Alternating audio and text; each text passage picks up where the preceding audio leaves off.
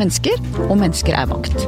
Den som er med på å legge rammene for hvor mye nordmenn flest skal få i lønnstillegg hvert år, må sies å ha mye makt. Leder i Fellesforbundet, Jørn Eggum, velkommen hit. Takk skal du ha. Du sliter med å holde dine egne tillitsvalgte i tømme når det gjelder Norges viktigste internasjonale avtale, EØS-avtalen. Det skal vi komme tilbake til. Men først.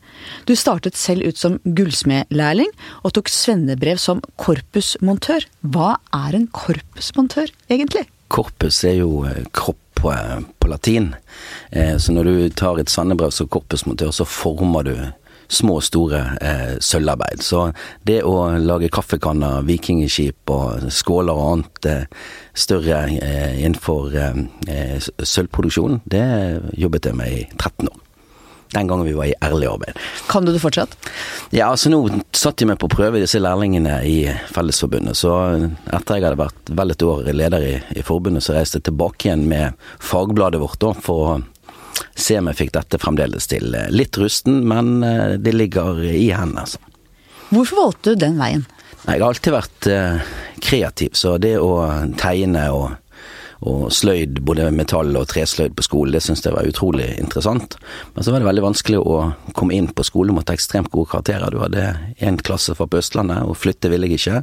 Så det å begynne i lære, når det endelig kom med utlysning eh, på Brødrene Lone sølvvarefabrikk, så eh, hoppet jeg av skolen og, og begynte i lære, og jeg har aldri angret på det.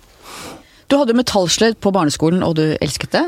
I dag er det lite å få praktiske fag i grunnskolen. Hvordan ville en Jørn Eggum anno 2020 funnet ut at dette var veien for ham? Nei, det vet jeg ikke. Før var jo for mine foreldre de var ikke så opptatt av at jeg skulle ta teoretiske fag. De var mer opptatt av at jeg skulle få være den jeg eh, er og få utfolde meg sjøl. Og når jeg hører både blant mine kamerater og, og andre, så er det sånn altså håndverksfaget blitt pga. at vi har ekstremt høy eh, ja, innvandring fra utlandet som jobber innenfor det. Det blir færre og færre norske som tar det. Eh, de tar eh, akademiske fag og enda mer eh, opp i akademiske yrker. Så det å ta håndverksfag, og, eh, det er en, en, en prøvelse i, i dagens samfunn, altså. Det er jo også langt færre praktiske fag på grunnskolen. Jeg ser jeg har en sønn som går i 7. klasse. Eh, det er litt kunst og håndverk, men eh, det er ikke noe, jeg har aldri hørt om noe metallsløyd hos han. Nei, altså Dette er jo Reform 94 med Gudmund Hernes. Den, eh, den, gjorde til at veldig mange fag ble også slått sammen. Som gjør at det, det å eh, gullsmed er jo ekstremt få som tar i dag.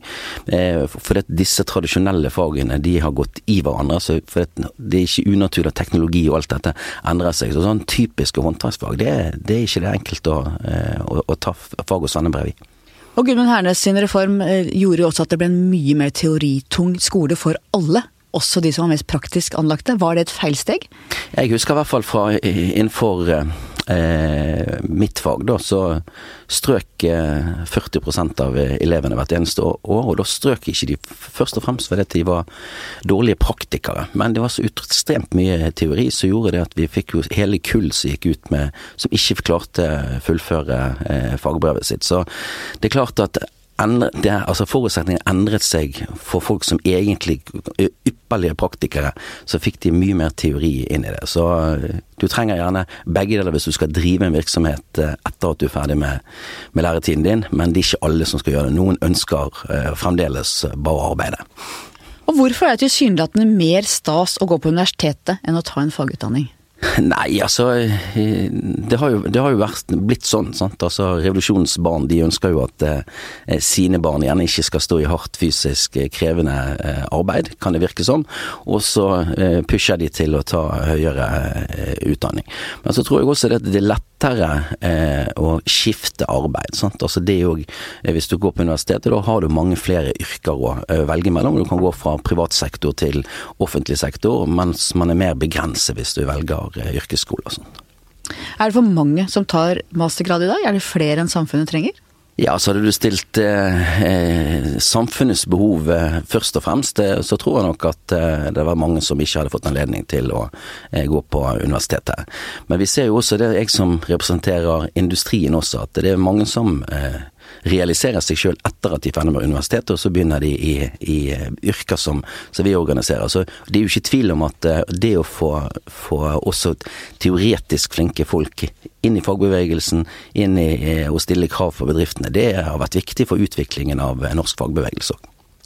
Norge mangler jo nå fagfolk innen mange retninger. Bygg, anlegg, industri. Hva betyr det for sikt på samfunnet vårt? Nei, altså nå har jo det snudd. Altså det er flere som er lærlinger eh, i dag enn det var for bare noen år siden. Så det har jo vært et visst fokus fra, fra politiske partier også om at vi må ta vare på, på historien og kulturen vår, som er i stand til å kunne utvikle eh, bransjer uten å være avhengig av eh, utenlandsk arbeidskraft. Så det har snudd, men fremdeles er det altfor få som, som tar eh, og, og går, i lære, eh, går, i lære, Men det positive er at i hvert fall 70-80-90% av de som først tar et yrkesfag, de får jobb etterpå. Så det å utdanne seg til arbeidsledighet, det er en dårlig ting. Og innenfor dette nå, så er det flere og flere for arbeid. Så kanskje det vil bidra til at flere velger denne retningen også. Det bringer meg over til EØS-avtalen. Hvordan vil du beskrive EØS-avtalens betydning for Norge? Nei, altså, Vi har jo eh, hatt et veldig krevende landsmøte som vi var gjennom når det gjaldt dette. Flere år, I alle de 25 årene avtalen har eksistert, så har det vært tvil og tro, og det har vært en, vært en kamp på, på, mange av eh, bedriftene våre. Men ser du sånn rent kynisk på det, så har den EØS-avtalen tjent Norge ekstremt bra. Hvordan da? Nei, altså Vi har jo fått et, et tilgang til et marked som er eh, på 500 millioner mennesker, som du ikke hadde hatt på samme måte med en, med en, handelsavtale. Og Det har gjort at vi har en mye større økonomi i Norge i dag enn det vi hadde uh, har hatt behov for. Dette er en villet politikk for å kunne få maksimert uh, mest mulig salg av det vi er flinke å produsere, uh, og, og ha noen som står på klar og tar imot det uten noen som helst form for handelshindringer.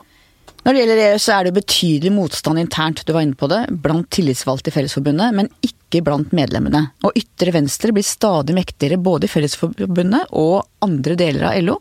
Hvorfor klarer de ikke å holde kontroll slik at de tillitsvalgte faktisk speiler den medlemsmassen som de representerer?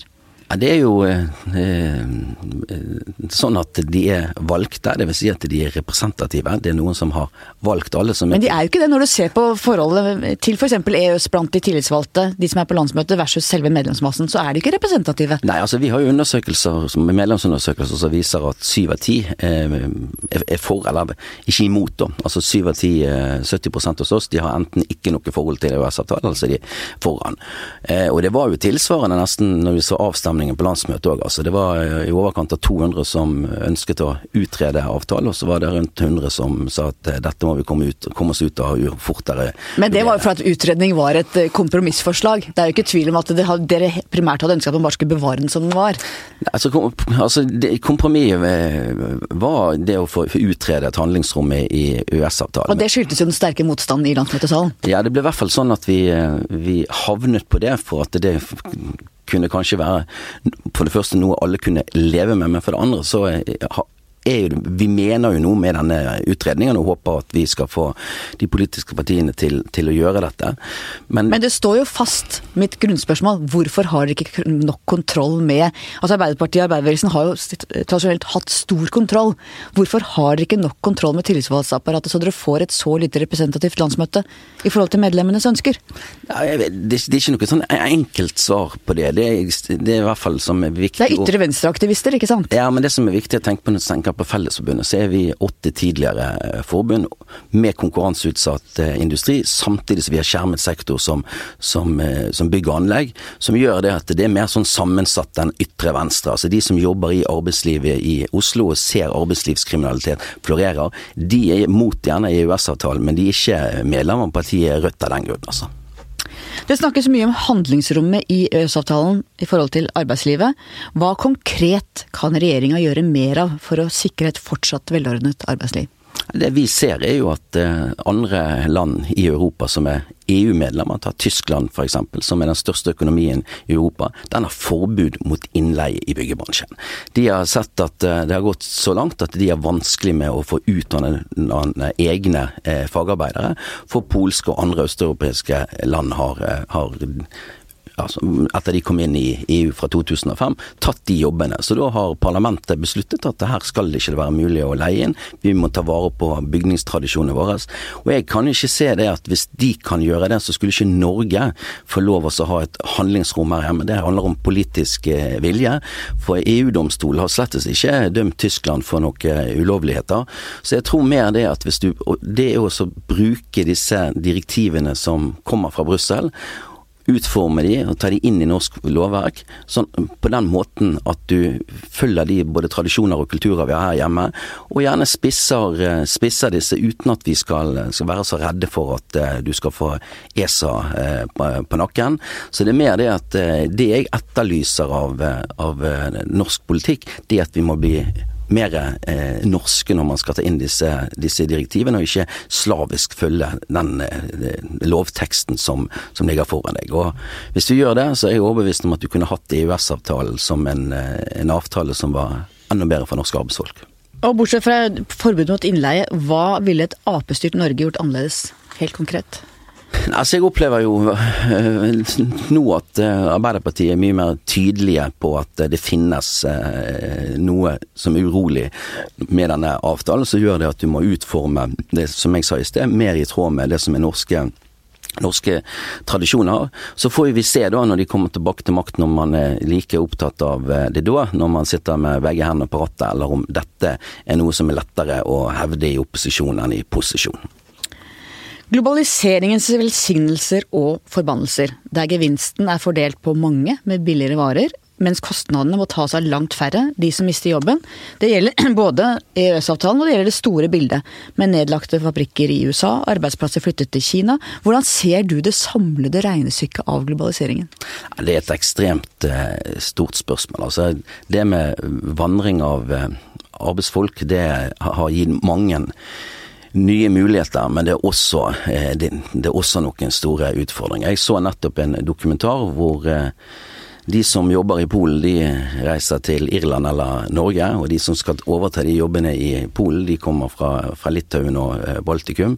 Og sånn går det via, via, Kina. Og nå ser jeg at nå er det nordkoreanske slavearbeidere som skal bygge båter i Romania, samtidig som det besteforeldrene til alle disse skal passe på ungene, for at mor og far de er i forskjellige land og jobber for å tjene til, til livets opphold. Så det er baksiden, den sosiale baksiden som er ekstremt eh, elendig spør, spør du meg. Men samtidig så er jo det engang sånn at eh, hvis ikke man har eh, arbeid, hvis ikke man eh, kan, kan, leve frie liv, så er jo det et mye verre situasjon enn ellers. Så globalisering, det vil, det, den er vanskelig å, å, å tøyle den. Men samtidig så er vi nødt til å være eh, opptatt av at vi skal ha noenlunde like forhold. Vi, altså Grunnleggende menneskerettigheter eh, må legges til grunn, og menneskeverdet må ha en større verdi i alle disse landene som bryter det daglig enn de har det i dag. Du er tilbake til den gamle regelen det er ingen gratis lunsj? Nei, det kan du være helt sikker på. Det snakkes om den nye kapitalismen, om at den må ta et bredere ansvar for å beholde oppslutning og troverdighet, kanskje til og med for å overleve. Man snakker om shareholder versus stakeholders-kapitalisme, en kapitalisme som er til for aksjonærene versus en kapitalisme som er til for langt flere interesser, folk flest, klima, storsamfunnet. Hva tenker du om det, er vi i ferd med å få en ny og annerledes kapitalisme i verden? Ja, altså det går jo i, ofte i bølger det der, men det du kan i hvert fall si at det siste tiåret har både nasjonalt og internasjonalt gjort noen få folk ekstremt rike. Altså det er så store overskudd som tas ut i bedriftene, hvor før hadde ikke de turt å, gjøre det, for de hadde blitt sett på som, som griske og forferdelige, men nå er dette blitt mer og mer vanlig.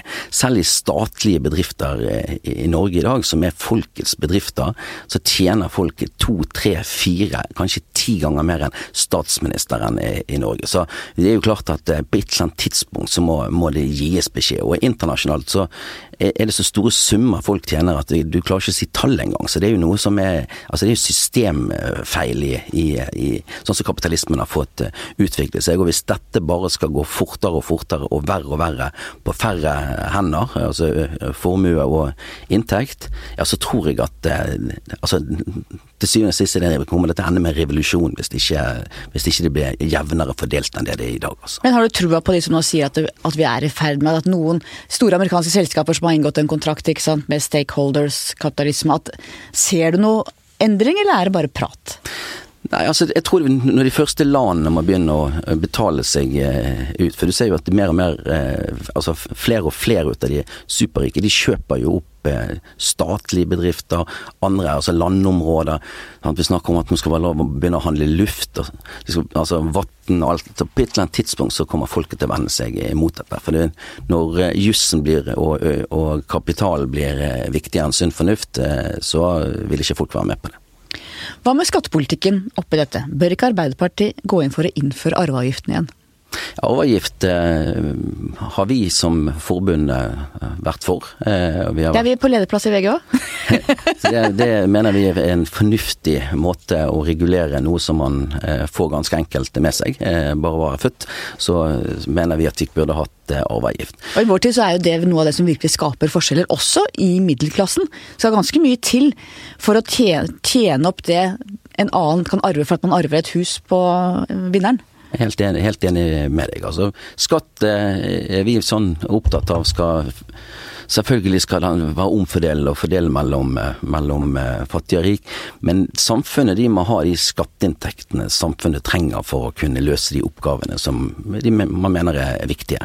Og folketrygden det er absolutt den viktigste omfordelende faktaen vi har her hjemme. Så lenge vi har nok penger til å fylle opp den, så er det bra.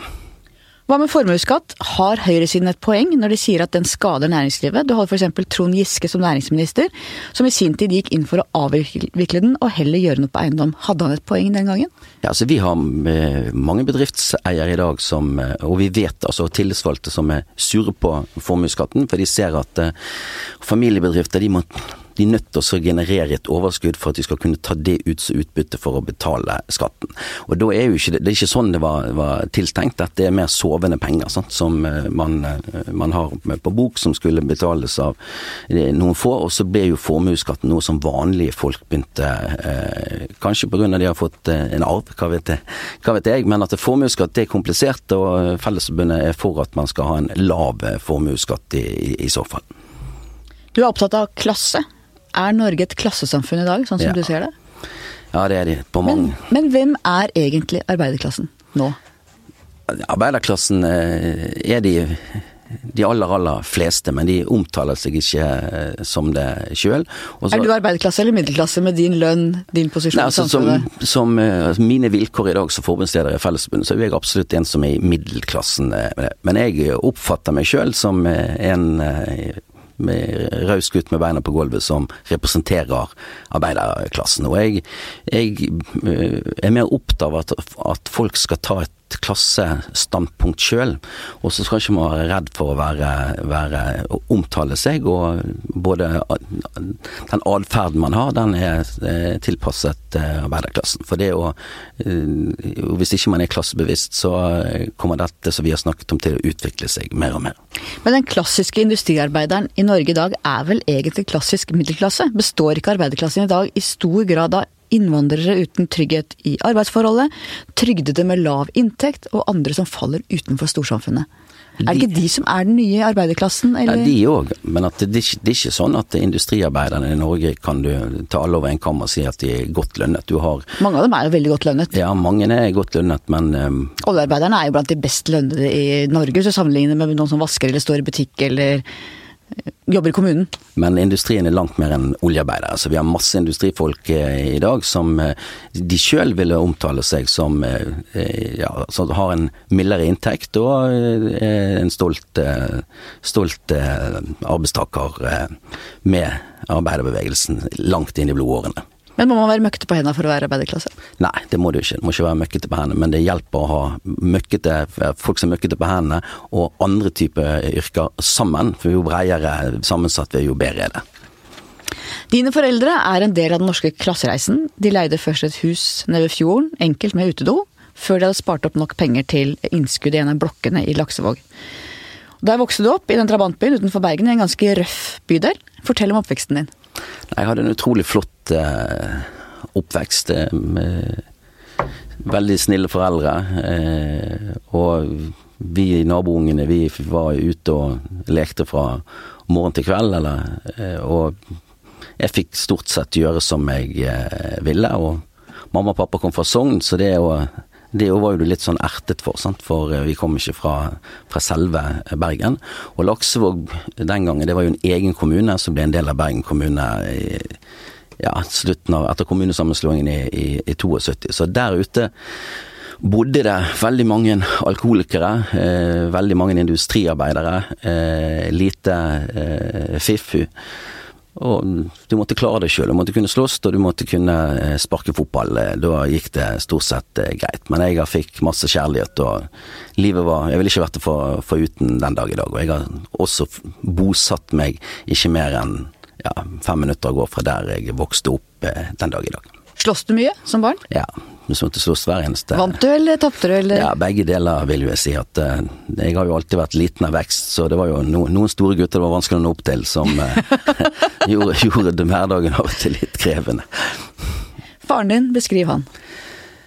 Min far han var industrirørlegger og tidligere uteseiler som egentlig var rastløs uh, av natur, og jeg tror jeg har arvet det litt sånn eh, sigøynersyken, at det må skje, skje noe. Eh, han var eh, hjemmeskjær og stilte av og til kanskje litt eh, strenge eh, krav. Eh. Hvordan da? Nei, altså du skulle være best. Sant? Altså, du, og det å, om du var på friidretten eller var på fotball eller det var til å gjøre leksene dine, så holdt ikke det å være middelmålig. Det, Eh, og det kunne være krevende til, til tider, men han var veldig snill. Hvor gammel var du da han døde? Nei, pappa døde i 2010 av, av kreft, så jeg var jo midt i 30-årene da. Og moren din? Hun er min, mitt forbilde. Eh, hun var 70 år nå for 9. Eh, januar. Akkurat sluttet å arbeide og går på fjellet to ganger for, for dagen er i ekstremt god form. Og eh, litt sånn småskruvet over sønnen hans, bare bare blitt større og større.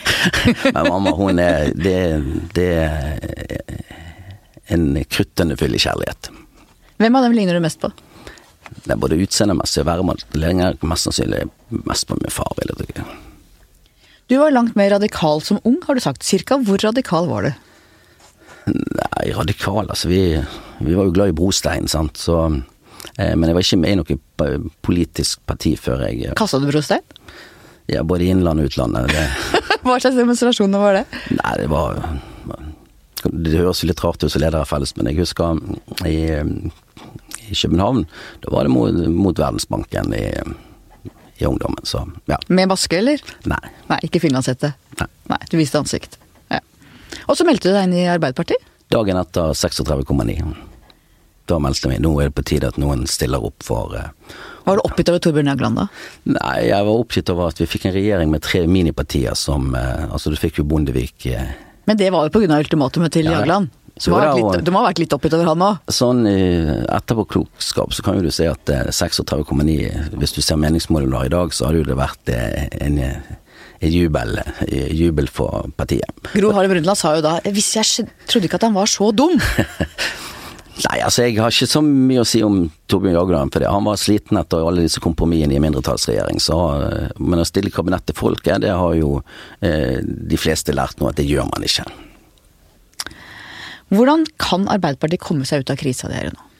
Nei? Altså vi, jeg, jeg, føler jo at eh, det blir mer og mer eh, snakkes nå blant eh, våre at partiet er på vei tilbake. De er mer tydelige og eh, får, altså Husk på, de har jo i to år så har de nesten lagt eh, og vært uenige med seg sjøl. Altså, med alle de sakene som har rullet internt i partiet, så har jo det vært vanskelig å kommunisere eh, politiske eh, drømmer for, for, fremtiden for vanlige folk. For det er ikke det de forbinder med Arbeiderpartiet. Så eh, det er for tidlig å si om vi er friskmeldt, men det vi det, i hvert fall opplever jeg at det er mye bedre stemning. Det, det er kjekkere å gå på, på møter, og at man er søkende for, og med, med å ta det fagbevegelsen, så er jo de veldig mye på.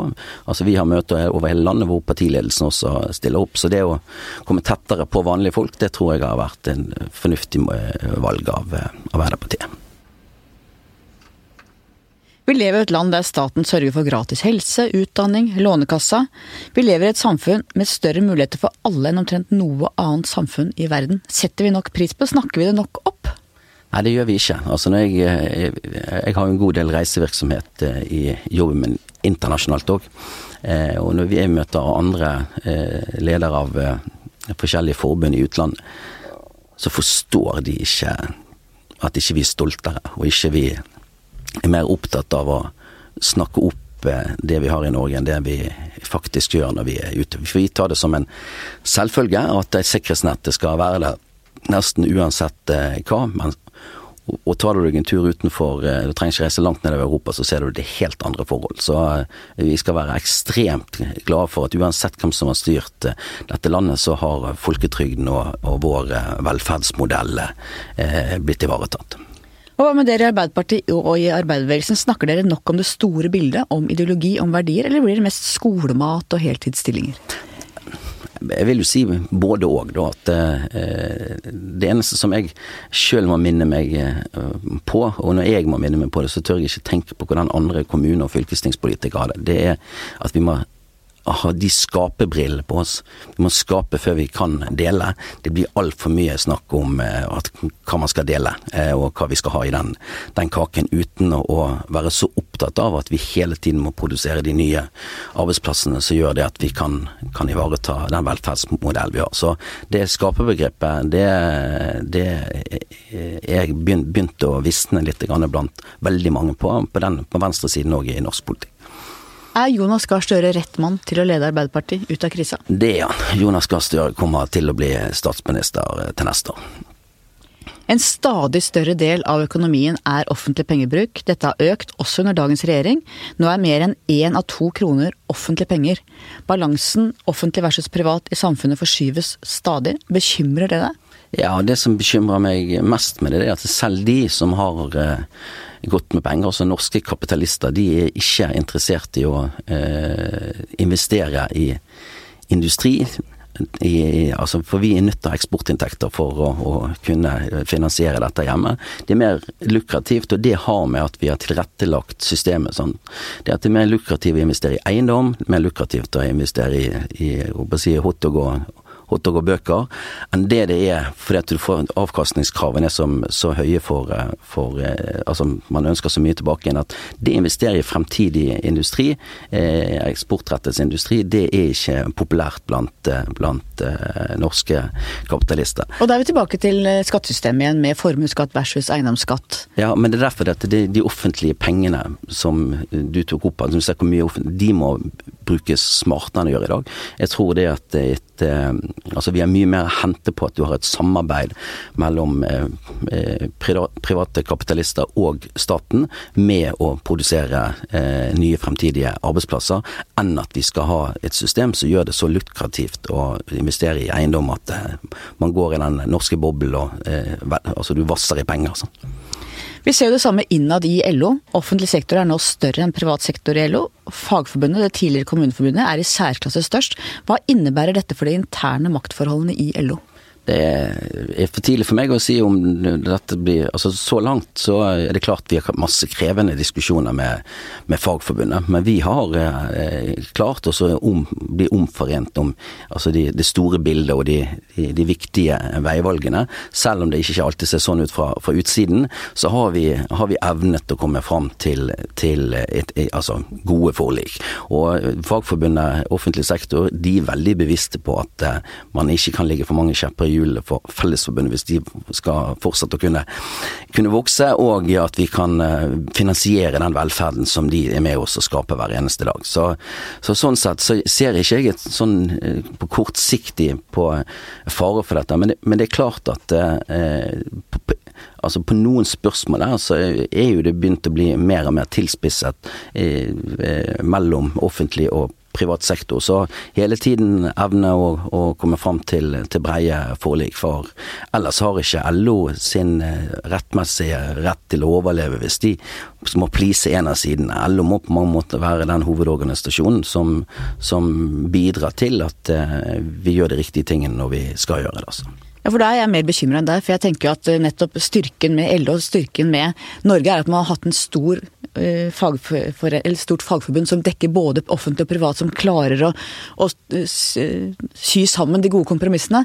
Og hvis det blir en skeivhet i forhold til det offentlige, så tenker jeg at også for LOs rolle i samfunnet, også for det norske samfunnet, kan det bli ganske alvorlig.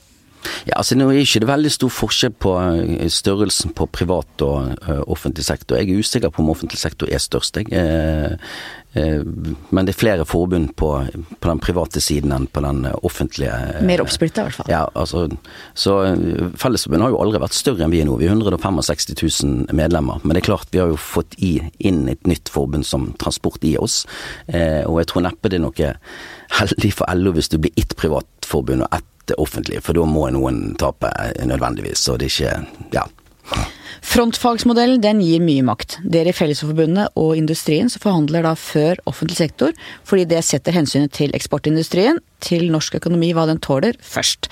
Er modellen under press, gitt offentlig sektors stadig sterkere rolle både i storsamfunnet og innad i LO? Det er jo ikke mer enn en, det er vel en uke siden vi hadde eh, representantskapsmøte i LO, og jeg hørte ikke en eneste en som var oppe og var negativ til frontfagsmodell, med unntak av eh, FO, som mente han ikke var god for eh, FO, hvem er FO? Det er fellesorganisasjon, det er vernepleiere og sånt i, i offentlig sektor. De mente han var eh, ikke tilrettelagt for likelønn, noe som jeg er eh, dønn uenig i. Men det som er viktig med frontfagsmodell, det er at eh, vi evner å eh, sitte den rammen som gjør at man tjener penger også i privat sektor, men samtidig ikke skru så mye at vi ikke klarer å få investeringer. Så bedriftene kan, kan vokse og ha nok penger igjen som eierne kan få et utbytte, de òg.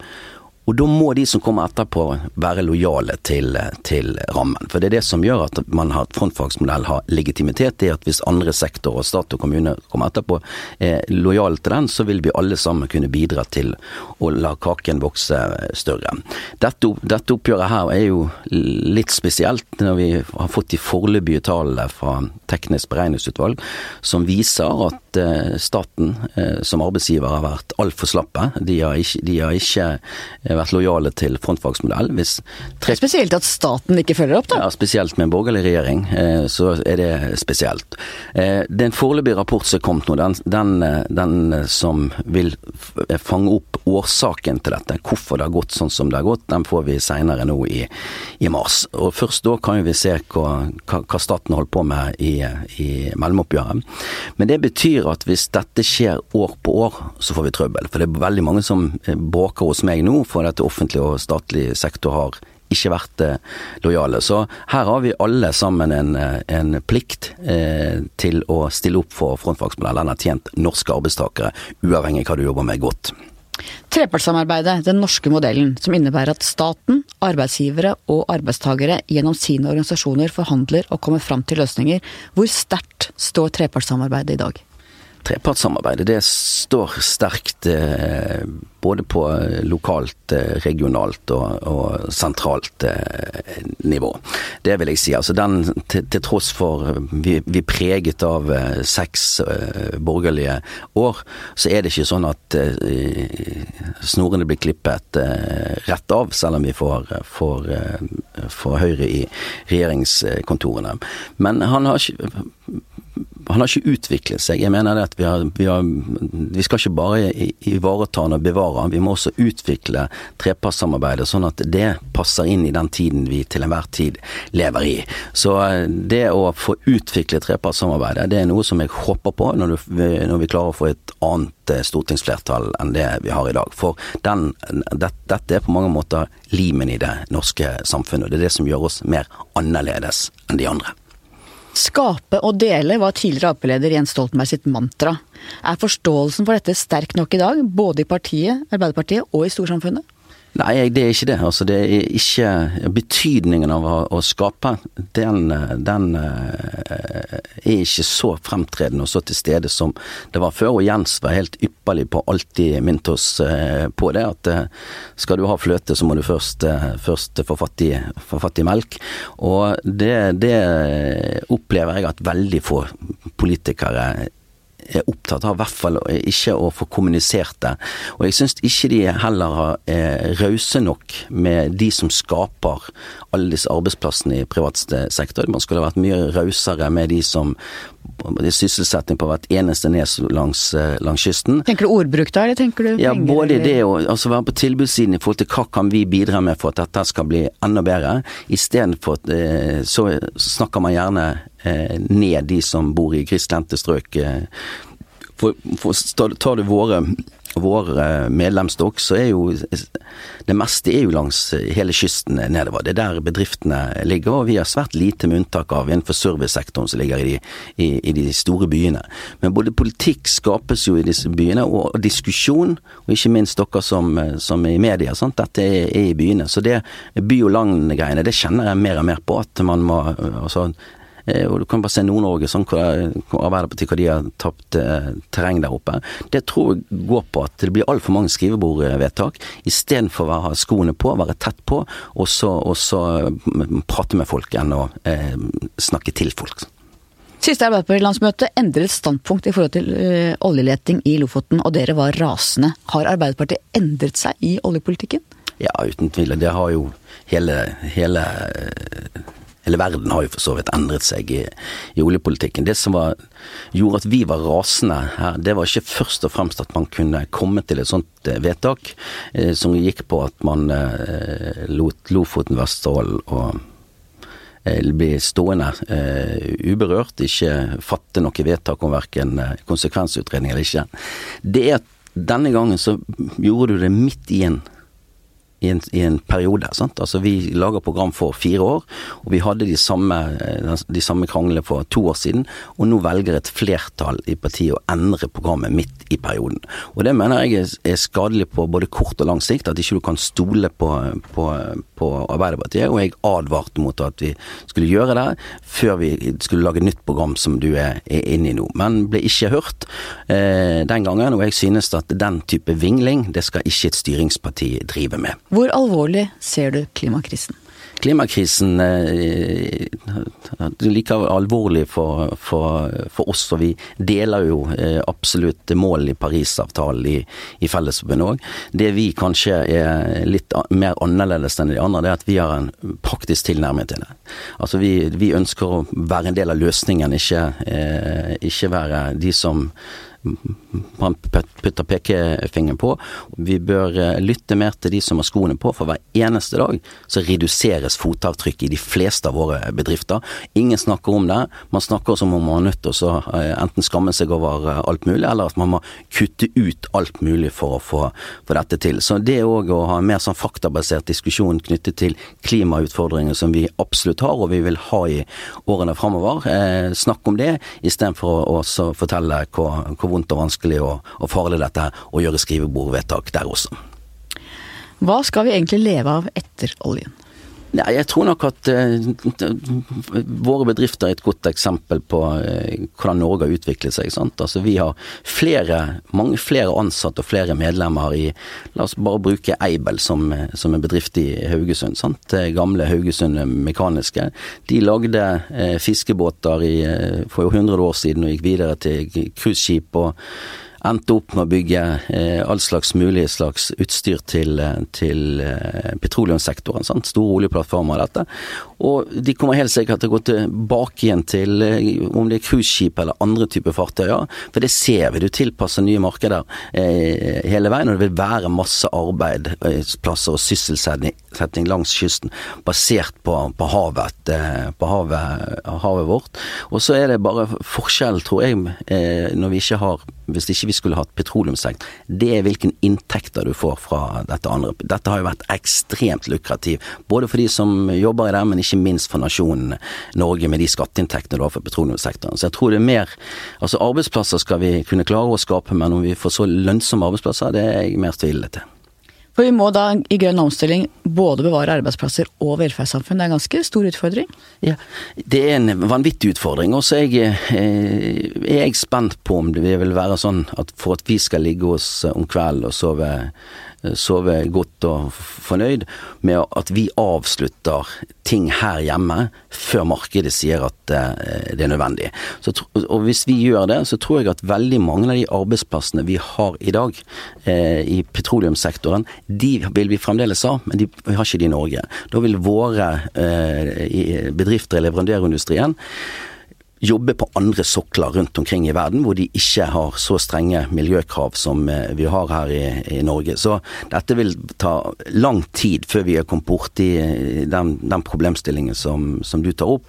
Men det er ikke tvil om at du, du vil gradvis merke dette her i, i årene framover.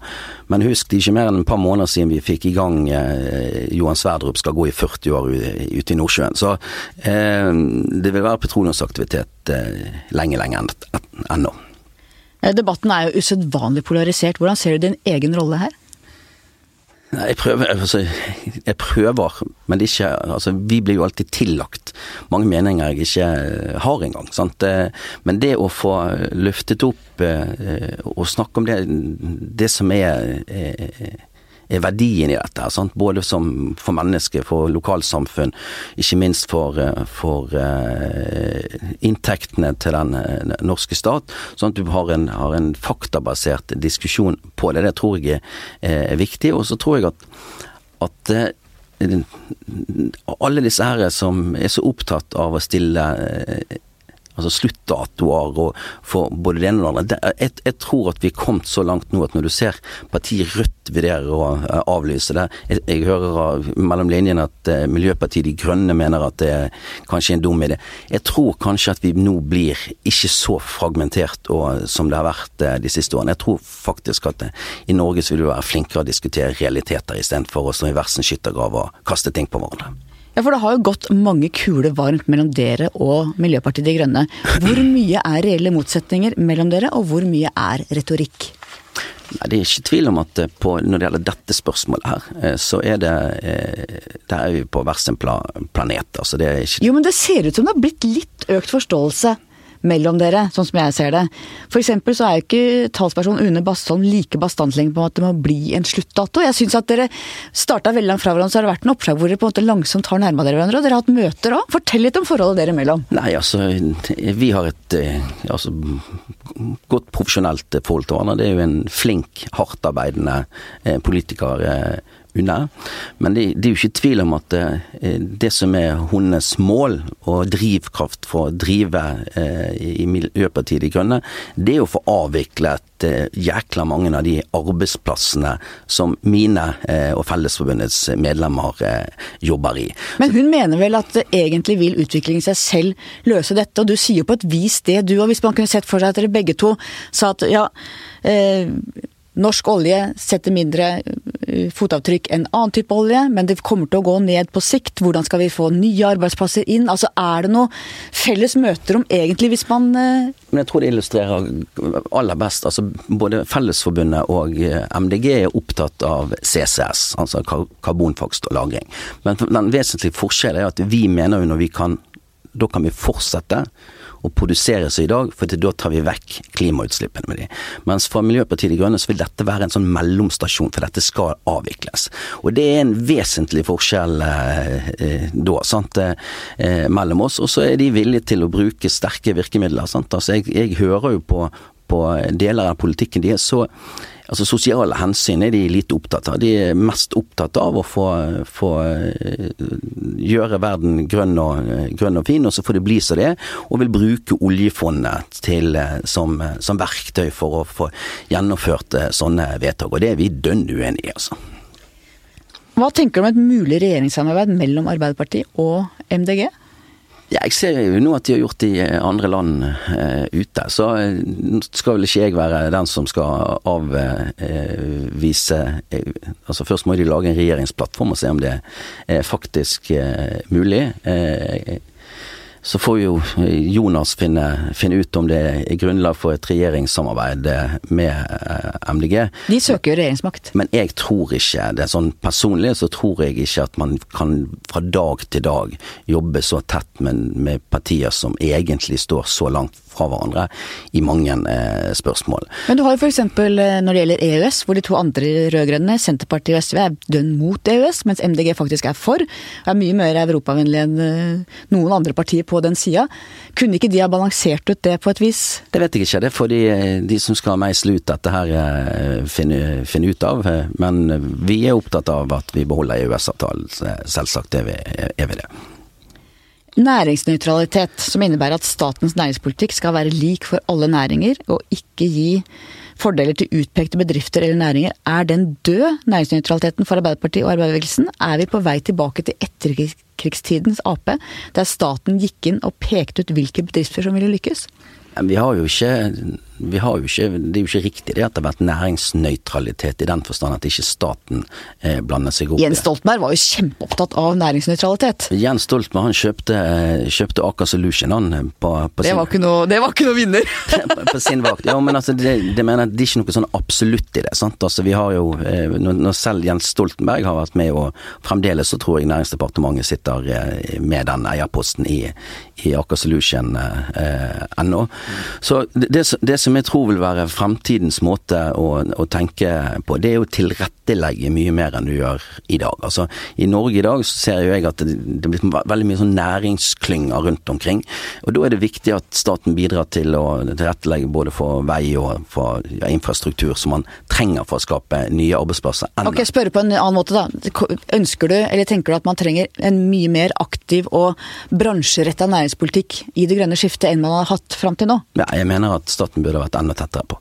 Vi opplever at det vi eh, ser her og nå foran oss er mye mer dramatisk enn det som var før. Eh, du begynte jo tidlig i arbeidslivet og opplevde jo omstilling på kroppen. Oppvaskmaskinen som førte til mindre bruk av sølvbestikk, nysølv fra Østen som tok over. Den gangen var det ni ulike retninger innenfor gullsmedfaget, nå er det to igjen. Har det likheter med omstilling i dag? Med andre ord, er omstilling noe som foregår hele tiden? Det, det som jeg snakket om Eibel i sted, det er jo på den måten dette har eh, gått de siste 100 eh, årene. Og, men det skjer fortere. Det, det, er ikke det tvil om at eh, på ganske kort tid så har både arbeidsmetodikk, metoder, ikke mer, minst du sier krav til formell utdannelse for at du kunne styre disse robotene og maskinene i arbeidslivet. så det, det krever mer enn det har gjort før. og jeg tror at det, i fremtiden så vil det gå enda fortere, og det vil kreve enda mer. Så det der eh, å ha en politikk for etter- og videreutdanning som er mye mer eh, offensiv enn det vi har i dag, det tror jeg vi er avhengig skal vi henge med i fremtiden. Når jeg snakker med enkelte vestlendinger ganske mange faktisk, så mener at det er på Vestlandet verdiene skapes, mens vi i Oslo bare bruker. Men er det virkelig slik at verdiene bare skapes noen steder i dette landet? Nei, det er det ikke. Det alle skaper, du skaper verdier i offentlig eh, sektor også. Men det er ikke tvil om at når du hører sånne sitater som det, så er det for sant, det er Møre og Romsdal, Hordaland eh, og Rogaland, så har du ekstremt eh mange bedrifter som, som tjener mye penger. Så det det i skatteinntekter til staten så har du nok veldig mye som kommer fra, fra de fylkene. Og hvordan ser du Bergen i dette? Er Bergen del av Distrikts-Norge, eller del av eliten? Bergen er vel egentlig hovedstaden i dette. Men nå skal jeg svare ærlig på det, så er, er, jo, er jo, Sitter du i Oslo, så er jo Bergen på utsiden, sant. Som Trondheim er på, på eh, utsiden. Så i et sånt distriktsperspektiv så er vel kanskje kanskje noen som mener det. Eh, men jeg, jeg, mener de fem største byene vi har, det er, det, det er byer. Det er ordentlige byer. Og de, de står på, på, egne bein, men vi er jæklig avhengige av at når vi først har sendt pengene over til Oslo, til, til Finansdepartementet, så er det viktig at de kommer ut igjen, så de andre store byene kan få utvikle seg eh, fremover. Hvis vi ser hele diskusjonen om sentrum og periferi, så er det vel egentlig sånn at hele Norge henger sammen, og at vi bør snakke mer om det? Det gjør det absolutt. Altså, hele Norge henger sammen. Det vet jo jeg som reiser rundt i Norge eh, eh, si, ukentlig. Men det, det, som har skjedd som vi, som vi gjerne ikke eh, tar inn over oss betydningen av Altså Hvis du går 30 år tilbake i tid, så var det vel 198 000 som bodde i Nordland, og det var akkurat det samme som bodde i Rogaland. Men pga. at du har fått sånne ekstreme næringer som, som olje og gass, så bor det altså dobbelt så mange i Rogaland nå som det gjør i Nordland. Og, og det i, i et sånt perspektiv jeg tenker er viktig at når du skal, skal Altså, nå fikk Vestlandet anledning til å utvikle seg sånn som vi har utviklet oss, med en enorm velstand på Vestlandet, mens man har begrenset eh, Nord-Norge. Så det var jo i dette perspektivet jeg mener det er så viktig når du skal altså Har du muligheten til å, å ha sånne vekstnæringer, sinnssykt eh, gode altså i forhold til sysselsetting og ikke minst verdier det skaper, så det var det sånn vi skulle ha, ha, ha fått i gang petroleumsvirksomhet nordpå, for at de skulle fått samme muligheten til å utvikle seg som de andre byene. For, for dette er jo politiske vedtak som eh, lager konsekvenser for, for eh, og utrolige ringvirkninger ringvirkninger der det er. Så eh, doblet antallet innbyggere i, i Rogaland på 30 år i forhold til Nordland. Hva ser du som viktige norske verdier, ikke eksklusivt norske, men viktige verdier i det norske samfunnet? Ærlighet. Og, og, og direkte tale. Det, det, det, tror jeg er helt sånn avgjørende for at vi skal kunne utvikle oss, eh, og at vi skal kunne ta advarsler på, på, på alvor. Det at vi kan være ærlige med hverandre og, og, være rimelig direkte. Det er et eh, det er land som jeg har fartet i hvor det er eh, ikke til stede, og det, det ser du mange konsekvenser av. Hvordan ser du religionens plass i det norske samfunnet? Sjøl er jo ikke det noe jeg er opptatt av eh, til, til, dagen. Eh, men det er klart, vi har mange kristne medlemmer hos oss som jeg ser at dette betyr noe for. Å ha en sterk eh, tro på, eh, på noe. Eh, så jeg er usikker på om det skal være statlig religion, eller om det skal være eh, Men jeg har ikke noen problemer for eller imot. Jeg er medlem av statskirken nå. Det gjorde jeg når jeg giftet meg, da måtte, måtte jeg melde meg eh, inn. Så. Tror du på Gud selv? Nei, det kan jeg ikke si at jeg eh, Altså, det fine med den norske eh, kirken, det er at altså, Og jeg syns sjøl at, at vi har et sted hvor vi kan ha eh, seremonier, eh, enten det er med verdighet, enten det er barnedåp eh, eller det er begravelse, så er det, er det godt å ha et orden rundt og et, at man får gjort det på en, på en skikkelig måte. Ellers har ikke noe til slutt, mitt faste spørsmål. Hva skal bli historien om deg? Jørn Eggum, det var han som eh, Ekstremt eh, omfordelende lønnspolitikk i Norge. Løftet de som satt helt nederst, og de fikk en annen hverdag pga. Fellesforbundet og meg. Det var en fin historie. Tusen takk for at du kom. Takk skal du ha. Takk til deg som hørte på. Takk til researcher Grete Ruud, og til vår faste produsent Magne Antonsen. Vi høres igjen om litt.